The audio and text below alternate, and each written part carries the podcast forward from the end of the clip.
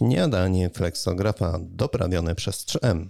Mirosław Pawliński. Witam wszystkich bardzo serdecznie. Naszymi gośćmi dzisiaj Izabela Talmont. Dzień dobry. Dzień dobry. Oraz Tomasz Bogdan. Dzień dobry, cześć. Czyli mamy u nas gości z firmy Emipak. Witam Was bardzo serdecznie i dzisiaj porozmawiamy sobie o takich różnych rzeczach, które są związane z komunikacją, czyli tematem, który wszyscy uwielbiają, wręcz chłoną.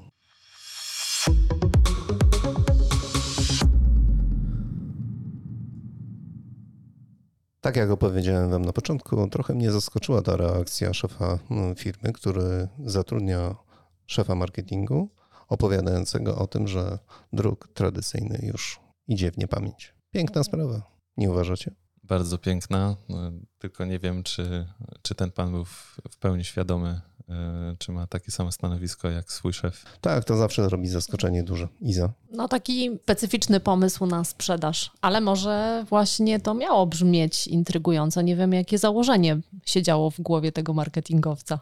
Tak, to jest zawsze zaskakujące, że firmy działające w branży poligraficznej stawiają tak silnie na komunikację elektroniczną. To jest aż nieprawdopodobne. Aczkolwiek y, jak ja na przykład wyszukuję w mediach społecznościowych różnych osób z drukarni, E, bo chcę na przykład nawiązać z nimi kontakt, to bardzo wielu osób tam nie ma, więc nie jest to jedyna droga komunikacyjna. Ewidentnie.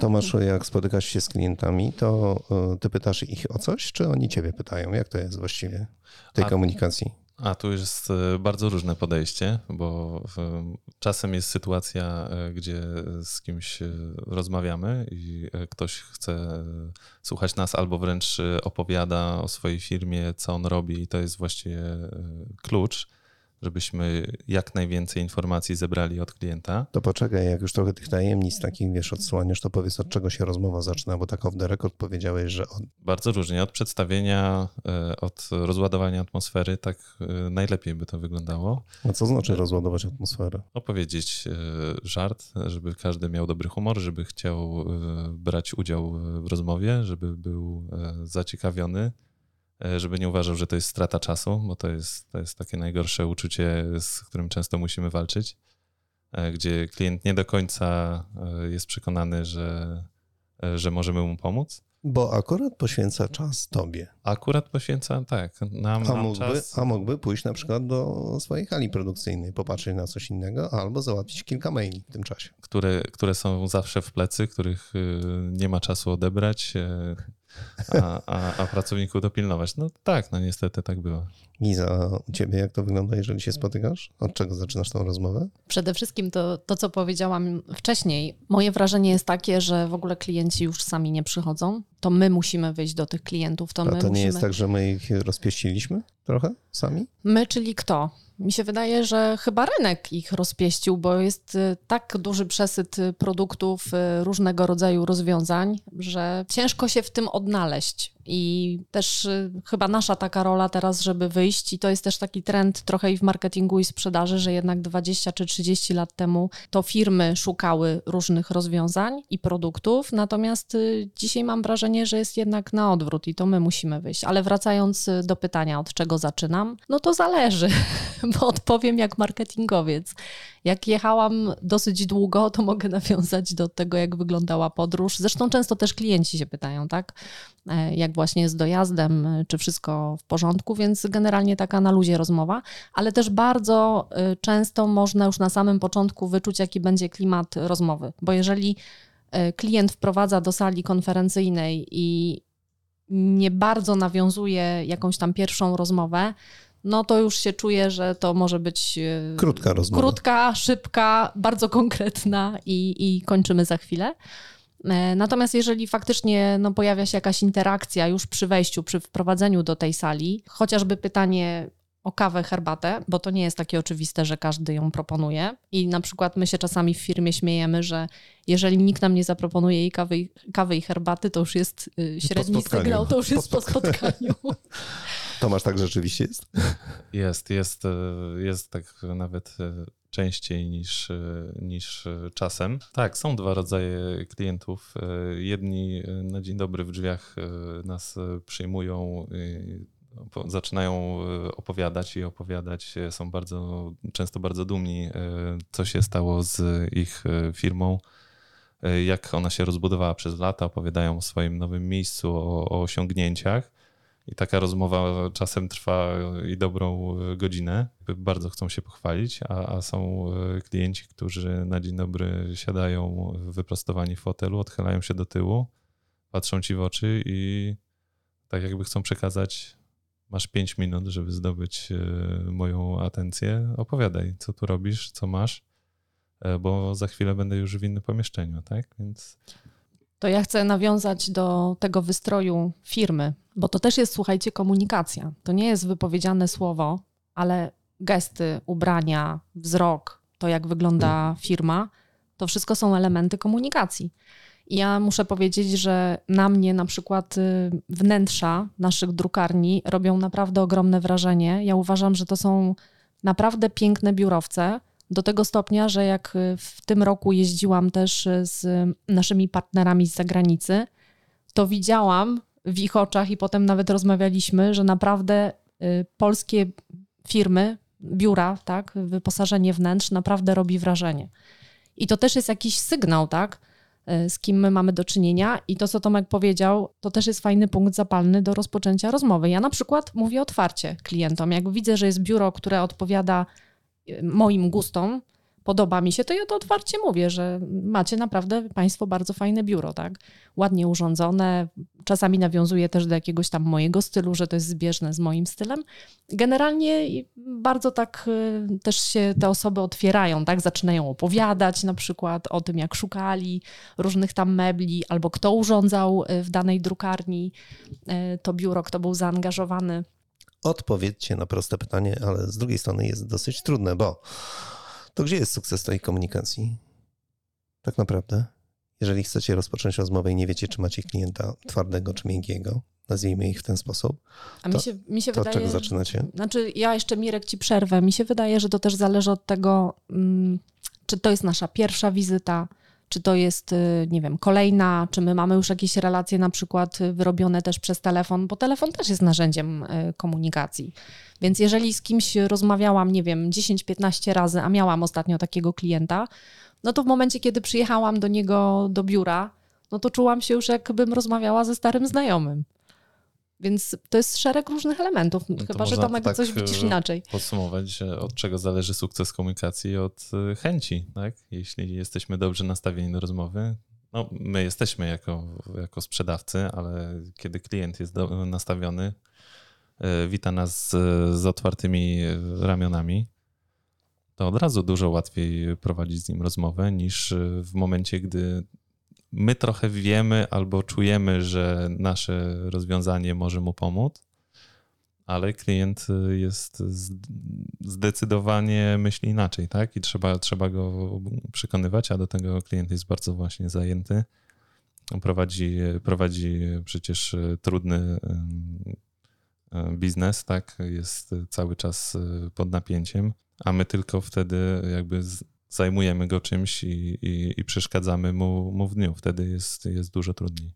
To ja wam podpowiem coś, co żeście powiedzieli, tylko trochę w inny sposób. Dobrze? E, powiedzieliście to w ten sposób. Pierwszy punkt, najważniejszy. Opowiedz mi swoją historię. I klient się otwiera ze wszystkim.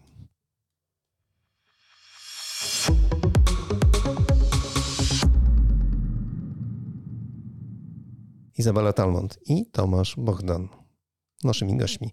A dzisiaj rozmawiamy o komunikacji.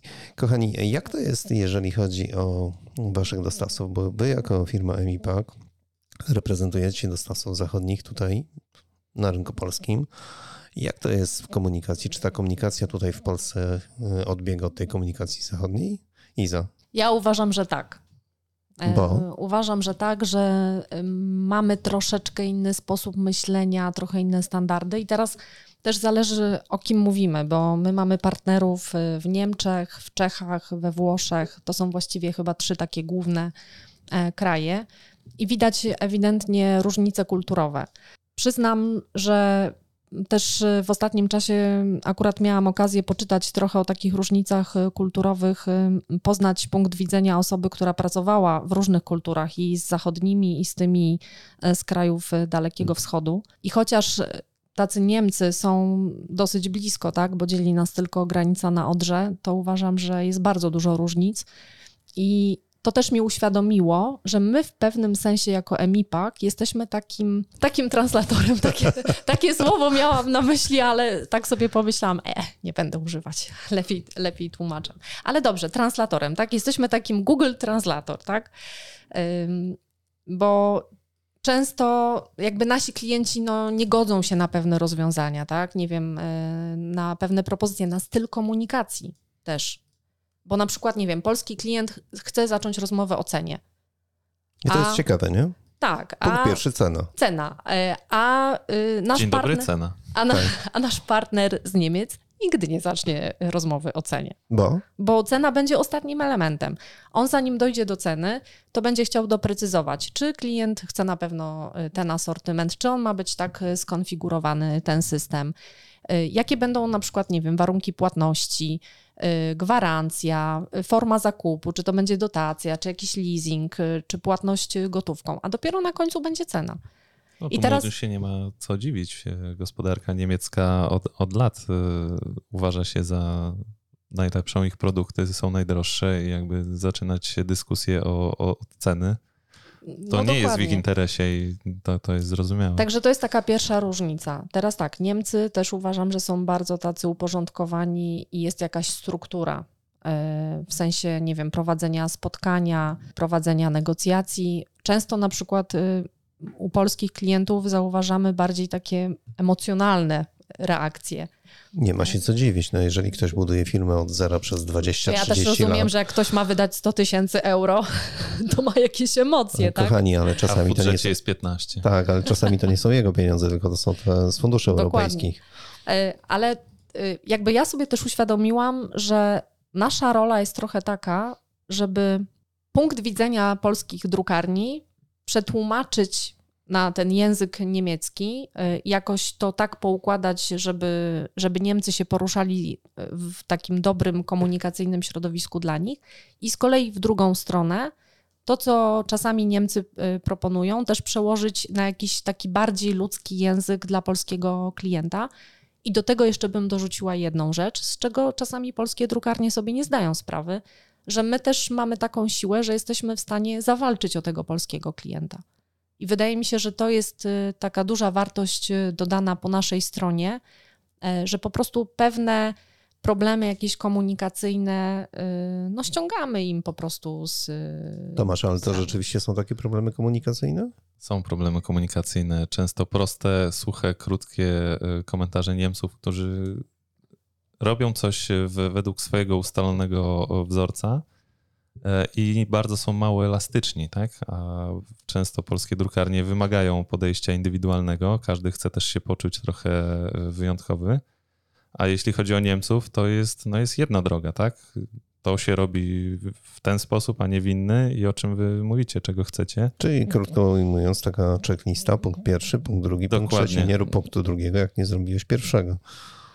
Piękne rozwiązanie. A my lubimy od tyłu, tak?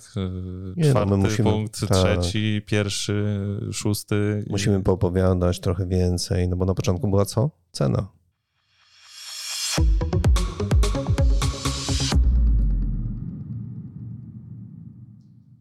Czy w tych rozmowach rzeczywiście drukarnie są w stanie powiedzieć, jakie mają potrzeby? To trzeba bardzo często wyciągać, e, wyciągać i to z dość e, głębokiej studni. E, niektórzy wiedzą, niektórzy powiedzą e, jasno, mają ludzi oddelegowanych od zadań, a czasem są ludzie od wszystkiego i oni nie do końca wiedzą, co chcą zrobić, ale nie wiedzą jak, nie wiedzą kiedy i nie wiedzą za ile. I tu już my musimy przedstawiać rozwiązania, pytać, opowiadać historię, z innych drukarni, z jakichś rozwiązań, które już zostały zastosowane, które zostały e, modyfikowane pod, e, pod konkretne przykłady.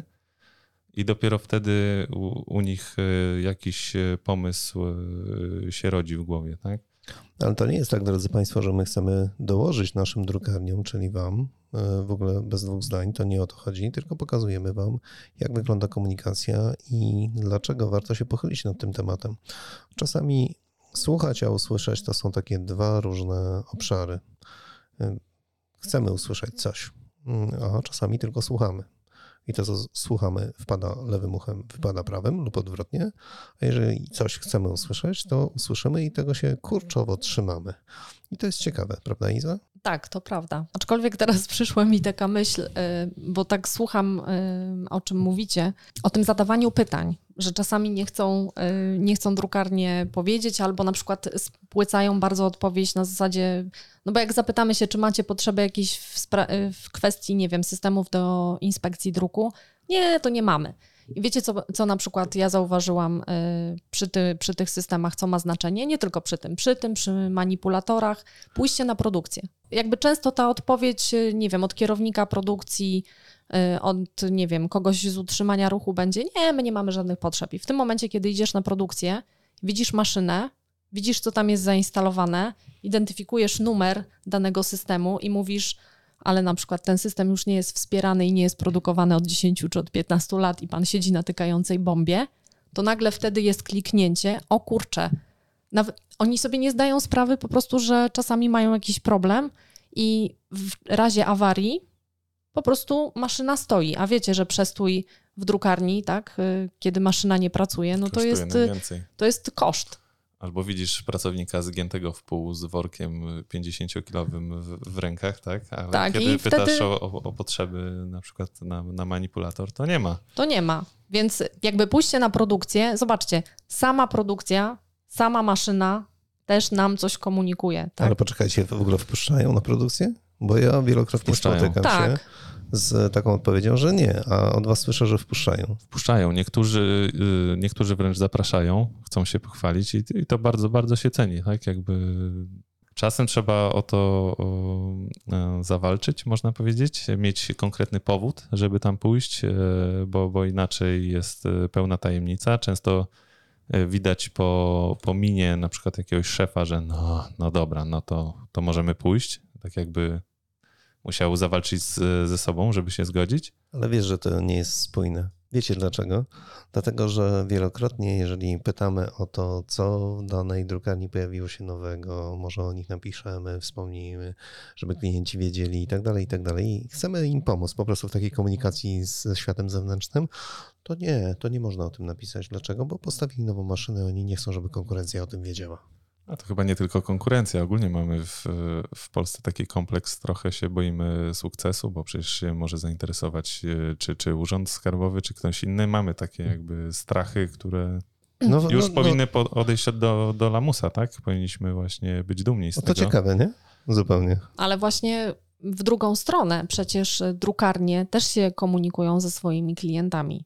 Dlaczego na przykład drukarnia miałaby się nie pochwalić, że ma sprzęt danej marki. No bo konkurencja się kraju. No i co z tego? Ale dla klienta, jeżeli powiem, że na przykład, nie wiem, pracuję na amerykańskich maszynach i na przykład te maszyny są w stanie, mówię tutaj w kontekście wąskiej wstęgi w tej chwili, i y, te maszyny są w stanie spełnić jakieś tam oczekiwania klienta, to dlaczego mam o tym nie powiedzieć? No właśnie. Przecież to, takie jest, proste, to jest takie proste, tak? Albo na przykład, nie wiem, mam system inspekcji, który y, został wyprodukowany przez niemiecką firmę. No, y, Wiemy wszyscy, bo to badania już wielokrotnie potwierdzały, że takie kraje jak Niemcy, nie wiem, Szwajcaria mają bardzo dobre skojarzenia y, i właśnie jeszcze bardziej budują tę drukarnię, tak? Podnoszą ją. Powiedziałeś, że y, boją się, że konkurencja się dowie, a konkurencja już wie, prawie zawsze wie. Nie wiem jak, nie wiem skąd, na pewno nie od nas, ale oni wiedzą. To jest no właśnie, to jest jeszcze. A i każdy śledzi konkurencję. Każdy śledzi konkurencję. Aha, tak. nie ma tak, że, że nie wiedzą.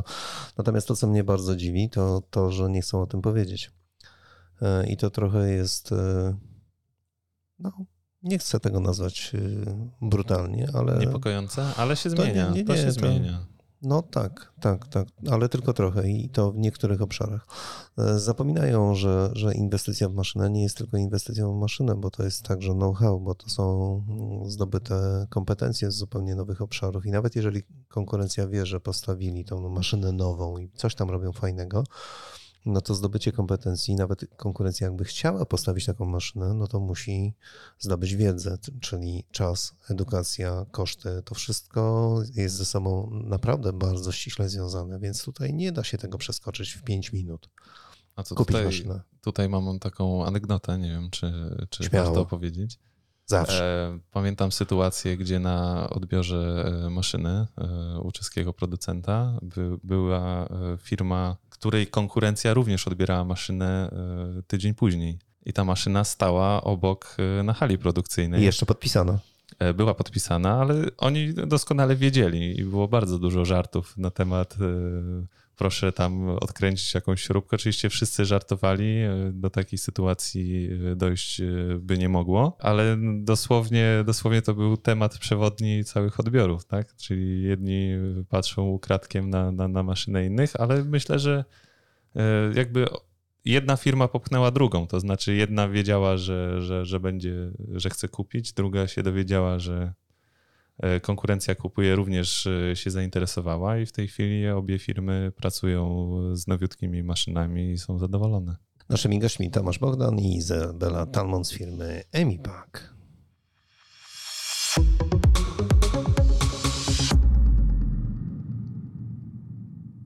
Off the record taki temat sobie poruszyliśmy, drukarnia media, dostawca media.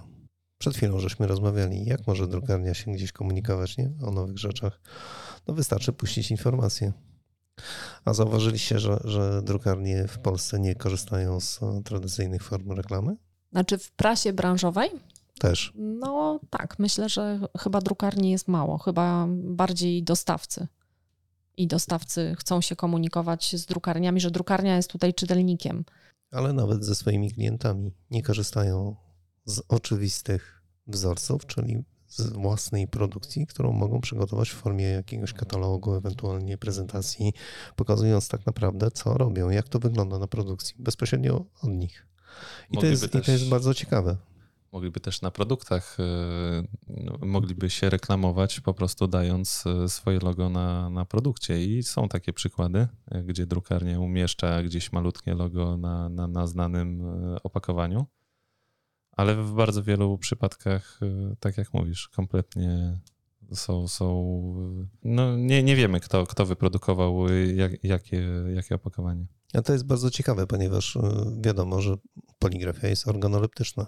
Zobaczcie, nie odrobiliśmy takiej zwykłej pracy domowej. Nie komunikujemy się jako poligrafia, my jako dostawcy, my jako drukarnie ze światem zewnętrznym. Zupełnie. To gdzieś y, rozmyło się. A to jest tak ważne, że właściwie nie ma punktu ważniejszego. E, my się nie komunikujemy i też myślę, że w drugą stronę nie wiemy, co społeczeństwo myśli w ogóle o naszej branży, tak? Jak, w jaki sposób poligrafia jest postrzegana, z czym się w ogóle wiąże, czy w ogóle hasło poligrafia to jest y, właściwe hasło, bo y, to jest bardzo pojemna, pojemne słowo. W tym się zawierają drukarnie i opakowanie, etykiet i E, arkuszowe, Książki, tak, wszystko, tak? Wszystko. Więc pytanie też, y, co, co dla ludzi w ogóle to hasło oznacza. Tomasz? Mi się wydaje, że sporo osób w ogóle nie wie. E, jak, jak ja opowiadam, gdzie, gdzie pracuję, w jakiej branży, to, to bardzo dużo pytań towarzyszących zostaje zadanych, czyli co tak naprawdę ro, e, robię. Jeśli już się dowiadują, że jest to powiedzmy branża stricte opakowaniowa, to tak przeciętna osoba e, z jednej strony e, wydaje mi się, że patrzy trochę od e, strony mm, środowiskowej, że te mhm. opakowania, że jest taki zalew tego wszystkiego i że to jest niepotrzebne. A z drugiej strony robią to, co wszyscy, czyli kupują, kupują produkty w, w jak najładniejszym opakowaniu, jak najlepszym wydaniu, jak najbardziej kolorowe i, i cały czas w tym kole uczestniczą, tak? Więc mamy tu takie podejście e, dwubiegunowe. Ale też a propos tych kwestii środowiskowych, e, tutaj też jest taki wątek. E, zobaczcie, przecież drukarnia też podejmuje wiele aktywności na rzecz środowiska, chociażby, nie wiem, wprowadzając do firmy urządzenia typu destylatory czy spalarki e, lotnych związków organicznych. Dlaczego też się tym nie pochwalić? No bo uczestniczy w tym momencie taka firma w procesie ochrony środowiska. W takim te... globalnym systemie. Tak, nie? i teraz jeżeli na przykład klient, który szuka opakowań, a ma wartości takie proekologiczne, to będzie zwracał też uwagę na to, żeby jego dostawca, drukarnia, też y, spełniała takie mm, założenia, żeby to było też spójne z komunikacją tego klienta, że jeżeli się pozycjonuje jako firma dbająca o ekologię, to dobieram sobie też tak partnerów. I uważam, że drukarnie y, też właśnie a propos wykorzystania sprzętu tak, y, do komunikacji, mając na przykład ten destylator czy, czy spalarkę, też powinny to komunikować y, w rynek. I nie mówię, że do ogółu społeczeństwa, ale chociażby do swoich klientów.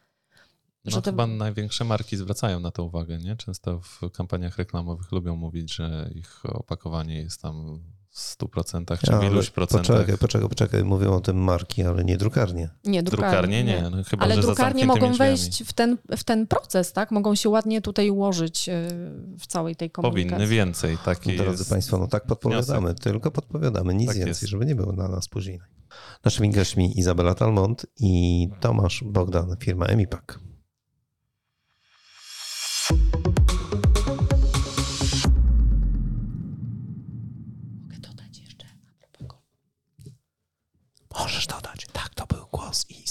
Iza, bardzo proszę, możesz dodać śmiało. To ja chcę jeszcze dodać jedną rzecz. Y, zobaczcie, mamy też wymianę pokoleń.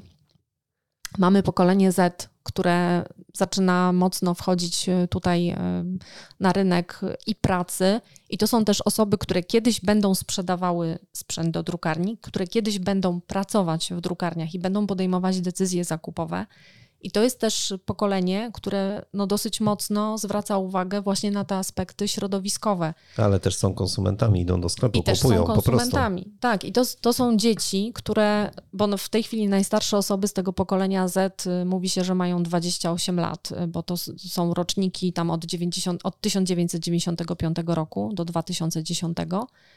I te dzieci są wychowywane już w zupełnie innych warunkach niż pokolenie jeszcze gdzieś tam z lat 70. czy 80. Oczywiście uczono nas, że nie wolno tam papierków wyrzucać na ziemię, bo w ten sposób chronimy planetę, ale w tej chwili te dzieciaki są zupełnie inaczej do tego przygotowywane i e, badania, które są robione różnego rodzaju, e, pokazują, że ten aspekt właśnie ekologiczny ma ogromne znaczenie i myślę, że taka drukarnia też y, mogłaby się zastanowić właśnie nad tym, jak się wpasować z tą komunikacją y, bycia proekologicznym, bo, bo kiedyś klienci, którzy będą u nich zamawiać te opakowania, jest bardzo duże prawdopodobieństwo, że będą po prostu decydować o współpracy chociażby na bazie tej ochrony środowiska.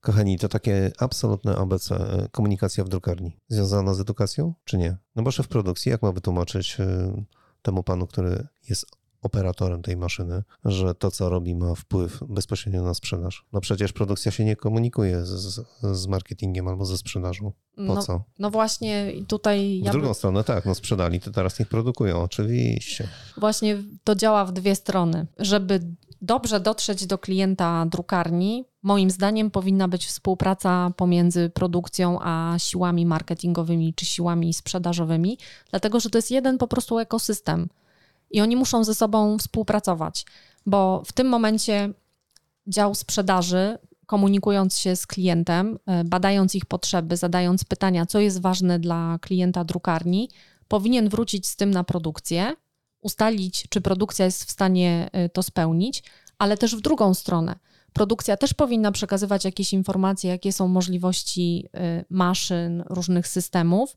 żeby dział sprzedaży przełożył to na język korzyści dla swojego klienta i żeby mógł to wykorzystać jako argument podczas y, sprzedaży. Przykład, jeżeli klient drukarni bardzo na przykład zwraca uwagę na kolory, na y, kolor, kolorystykę logotypu, a są takie firmy, które bardzo y, na to patrzą, Przykładem, może nie, samej, nie samego logotypu, ale w ogóle kolorystyka jest ważna, nie wiem, dla takiej firmy jak Coca-Cola czy Milka. I firmy te stawiają, określają, jaki ma być poziom, poziom delta E przy danym kolorze, to w tym momencie dział sprzedaży w drukarni powinien wiedzieć, czym dysponuje produkcja, żeby spełnić te potrzeby. I w tym momencie dla szerokiej wstęgi, na przykład jest to pomiar spektralny w linii, który zapewnia y, jakby w trakcie całego procesu produkcyjnego sprawdzanie, mierzenie tego delta E. I to nie jest weryfikacja tylko w, w dziale kontroli jakości ręcznym spektrofotometrem, gdzie sprawdzamy wycinek tego materiału, tylko przez cały proces druku monitorujemy i mamy zautomatyzowany proces i informacje, ile to delta E wynosi. I wiemy z doświadczeń innych rynków, bo też rozmawiamy na ten temat y, z naszymi kolegami w Niemczech, y, na przykład w BST, że są takie firmy w Europie, które wprowadzając taki pomiar spektralny w linii, pozyskały olbrzymie film, firmy do współpracy, takie na przykład jak Procter Gamble. No czy któraś drukarnia nie chciałaby takiego klienta? Świetnie. Globalny zasięg, po prostu podejrzewam, że miliony albo miliardy y, opakowań, tylko jeden warunek – zapewnijcie nam tę kolorystykę na takim poziomie, jak, jak, jaki chcemy, tak? jaki oczekujemy.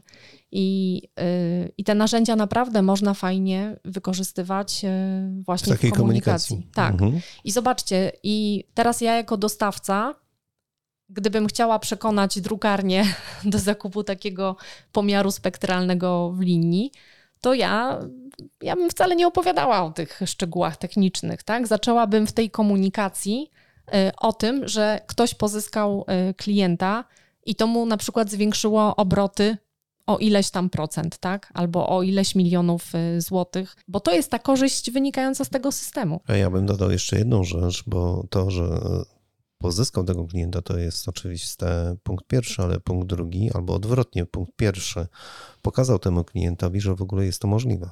Tak. Bo to chyba jest pierwsze, najważniejsze. Pokazać, że jest to możliwe. No jak można pokazać, jeżeli się tego nie sprawdza, nie kontroluje? Jak pokazać coś, co jest możliwe na maszynach, skoro sprzedawcy o tym nie wiedzą, że w ogóle jest to możliwe? Taka świadomość, taka komunikacja w drukarni jest naprawdę bardzo, bardzo ważna, Tomasz. Musimy, musimy cały, cały proces i im bardziej ten proces e, obserwujemy, dokumentujemy, e, diagnozujemy błędy po kolei, albo raczej ich brak, bo to najlepsza sytuacja, e, kiedy mamy inspekcję, a, a błędów nie znajdujemy, ale jesteśmy też świadomi, że cała, cała nasza produkcja, na przykład nie wiem, dobowa, ma na przykład trzy błędy, tak? W momencie, gdy klient akurat znajdzie ten jeden błąd, na, na, na jakimś wycinku i, i po, zakwestionuje nam e, całą produkcję z, z danego okresu, to my jesteśmy w stanie mu jasno zakomunikować: słuchaj, to jest tylko jeden z trzech błędów. 99,5% e, pracy zostało wykonane bezbłędnie. Tu jest proszę raport, tu możesz to obejrzeć. On powie: Dziękuję bardzo, ufam ci. I to jest miłe. I to jest miłe. Ale wiecie co, ja do tej pory spotkałem tylko kilka drukarni takich, które zrobiły taką drobną rzecz, a mianowicie kupując sprzęt od dostawcy, wszystko jedno, cyfrowe, offsetowe, flexo, po postawieniu nie rozpoczynały od razu produkcji, czyli nie doprowadzały do stanu takiego, żeby od razu weszły w cały ciąg technologiczny, tylko próbowały poznać tak naprawdę, co jeszcze można zrobić na tych maszynach. I to było naprawdę rewelacyjne. Owszem, to ich trochę kosztowało, ale poznając nowy sprzęt, oni dokładnie wiedzieli, czego mogą się spodziewać dodatkowo, co jeszcze mogą zaoferować dodatkowo klientowi. Aha, bo tego akurat jego konkurent nie posiada. I to genialne. Genialne rozwiązanie. Naprawdę widziałem tylko w kilku drukarniach i jestem tym zaskoczony, że to tak wygląda. Przynajmniej w Polsce. No właśnie, więc zobaczcie, jakiś określony sprzęt albo system może być wyróżnikiem e, dla drukarni. I to nie jest takie oczywiste, że wszyscy na tym pracują. Bo często też y, z jakiego założenia drukarnie wychodzą. Y, a po co mam o tym mówić, skoro inni też to mają? No, a nawet jeśli mają, to pytanie, czy mówią? Bo no jeśli nie mówią, to ten, kto zacznie o tym mówić jako pierwszy, zostanie zapamiętany i wygra. No i najczęściej jednak próbują usprawnić swoją obecną produkcję czy, czy produkcję z przeszłości, a nie, nie myślą o możliwościach, jakie stworzą się w, w przyszłości, tak? Po tak. zakupie konkretnych maszyn. I dzisiaj, ale... I dzisiaj bardzo ogólnie, przepraszam, muszę wejść wam słowo, ale dzisiaj bardzo ogólnie na temat e, standaryzacji, kalibracji, komunikacji, edukacji. Chwilę żeśmy sobie porozmawiali, ale to bardzo, bardzo ogólnie. Natomiast zmierzam do tego, że, że ta nasza rozmowa jest e, emitowana tuż przed warsztatami Flexo, o których wielokrotnie żeśmy rozmawiali, czyli Flexo, jakie jest, każdy widzi. Mhm. I w tym roku właśnie te cztery tematy, o których wspomniałem, czyli standaryzacja, kalibracja, komunikacja, edukacja, są tymi głównymi tematami. I to jest bardzo ciekawe, że tak wiele osób zgłasza się już dzisiaj na, na te warsztaty, po to, by troszeczkę dowiedzieć się więcej, gdzie mają ewentualnie kłopot, albo w czym są po prostu dobrzy. Y, ja nawet przedwczoraj, y, słuchajcie, byłam w takiej jednej drukarni, y, która już wiedziała, dostała zaproszenie też na warsztaty fleksograficzne. I to, co mnie uderzyło, ale bardzo pozytywnie oczywiście, powiedzieli, że tak będą uczestniczyć w tym roku jeszcze raz w warsztatach, bo po tam, po poprzedniej edycji zebrała, oni mieli jakiś problem w drukarni, taki produkcyjny, i dzięki tym warsztatom zebrała się grupa Y, jakaś taka doradcza właśnie praktyków y, z innych drukarni i wspólnie rozwiązali problem, który pojawił się y, u nich. I jakby ta praktyczna część no, została bardzo, bardzo doceniona. Bardzo szybko edukacja została odhaczona, tak? Więc mamy przykład edukacji, ale i komunikacji, ale że klient się podzielił tym. I zobaczcie, to jest mega cenne, że klienci się dzielą też takimi uwagami, że jest feedback.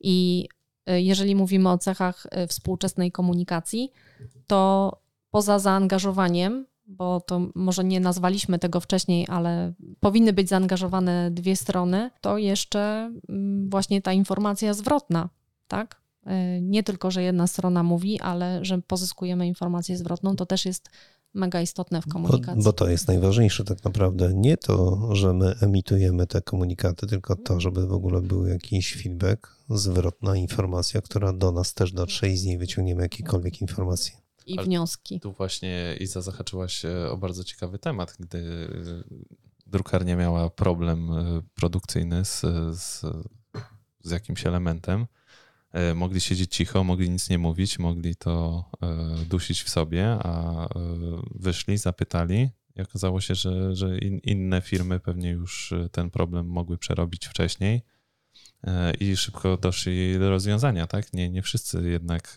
są stricte y, konkurencją, która rzuca się sobie do gardeł. Ale to zobaczcie, to Można ile czerpać też... z innych doświadczeń. Ale prawda? to też y, kwestia naszych jakichś cech wewnętrznych, tak? Jakiejś otwartości, gotowości na, na zmianę, na dyskusję, właśnie nie zamykanie się ze swoim problemem i to też jest y, moim zdaniem jakaś tam cecha e, komunikacji e, takiej dobrej komunikacji, tak? Oczywiście, no ja pomogę tobie, ty kiedyś pomożesz mi. To...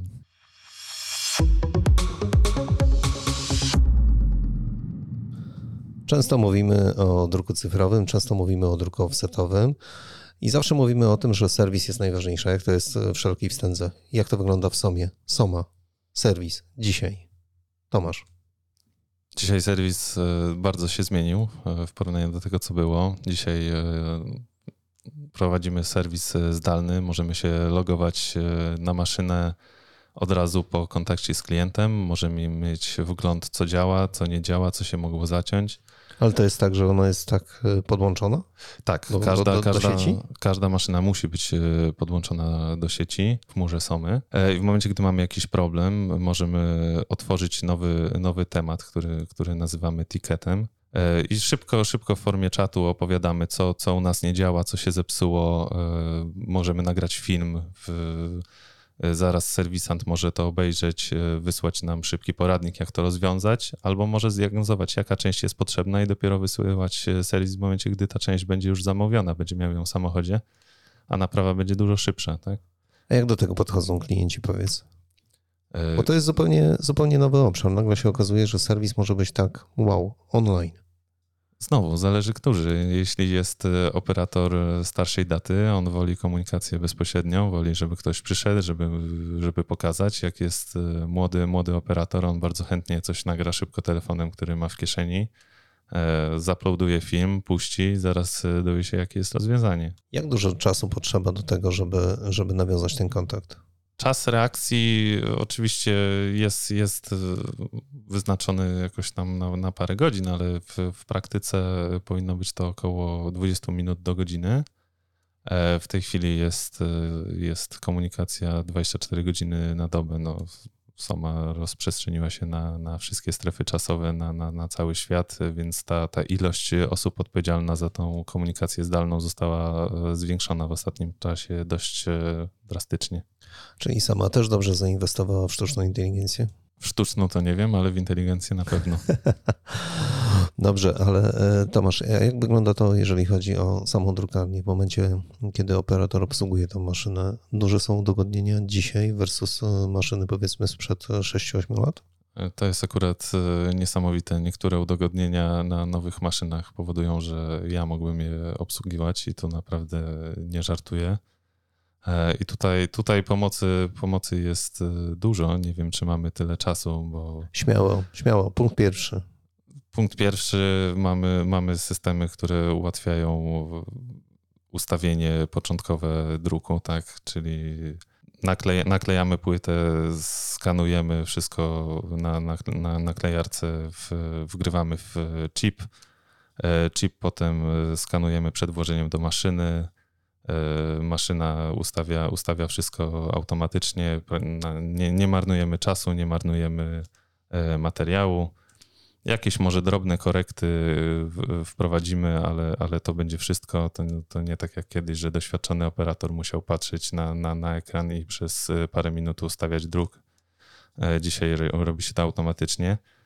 A punkt drugi to, to jak, jeśli pójdziemy jeszcze dalej, to, to w, staramy się teraz wprowadzić system. On już miał premierę, ale jeszcze nie jest dostępny dla e, klientów e, bezpośrednio jest to e, pomocnik operatora, nazwali go Wizard, czarodziej, gdzie maszyna po wgraniu, po wgraniu recepty, którą przygotował, załóżmy, doświadczony operator, wgrywamy taką receptę na maszynę i mniej doświadczony operator dostaje krok po kroku listę rzeczy, które ma wykonać. Łopatologicznie niektóre kroki są zablokowane, dopóki nie wykonamy przednich, tak? E, podstaw nowe kubły z farbą, umyj e, trzeci, ósmy zespół e, drukowy, sprawdź lepkość farby, zmień nóż raklowy, bo, bo już ulega zużyciu. Wszystko krok Niesamowite po kroku. podpowiedzi. Dosłownie, dosłownie. Cała checklista z, z minutnikiem, które czynności, ile maszyna wykonuje. Wszystko po kolei, po kolei się dzieje. Owszem, super doświadczony operator pewnie e, zupełnie tego nie potrzebuje, ale wiadomo, że w dzisiejszych czasach e, doświadczonych operatorów e, jest coraz mniej. Są, są ludzie, ludzie są warci tyle co złoto. A dla, dla, dla osób dopiero wprowadzających się w ten świat, super. Zobaczymy, to już niedługo będzie dostępne w każdej drukarni. W jaką stronę idą teraz wszystkie rozwiązania? W stronę automatyzacji, w stronę uproszczenia procesu, żeby to było łatwe, szybkie, powtarzalne, bezbłędne. Kochani, naszymi gośćmi Izabela Talmont, Tomasz Bogdan, czyli firma MIP. Dziękuję Wam dzisiaj za, za naszą rozmowę i zapraszam wszystkich na kolejną edycję Śniadanie Flexografa doprawione przez 3M.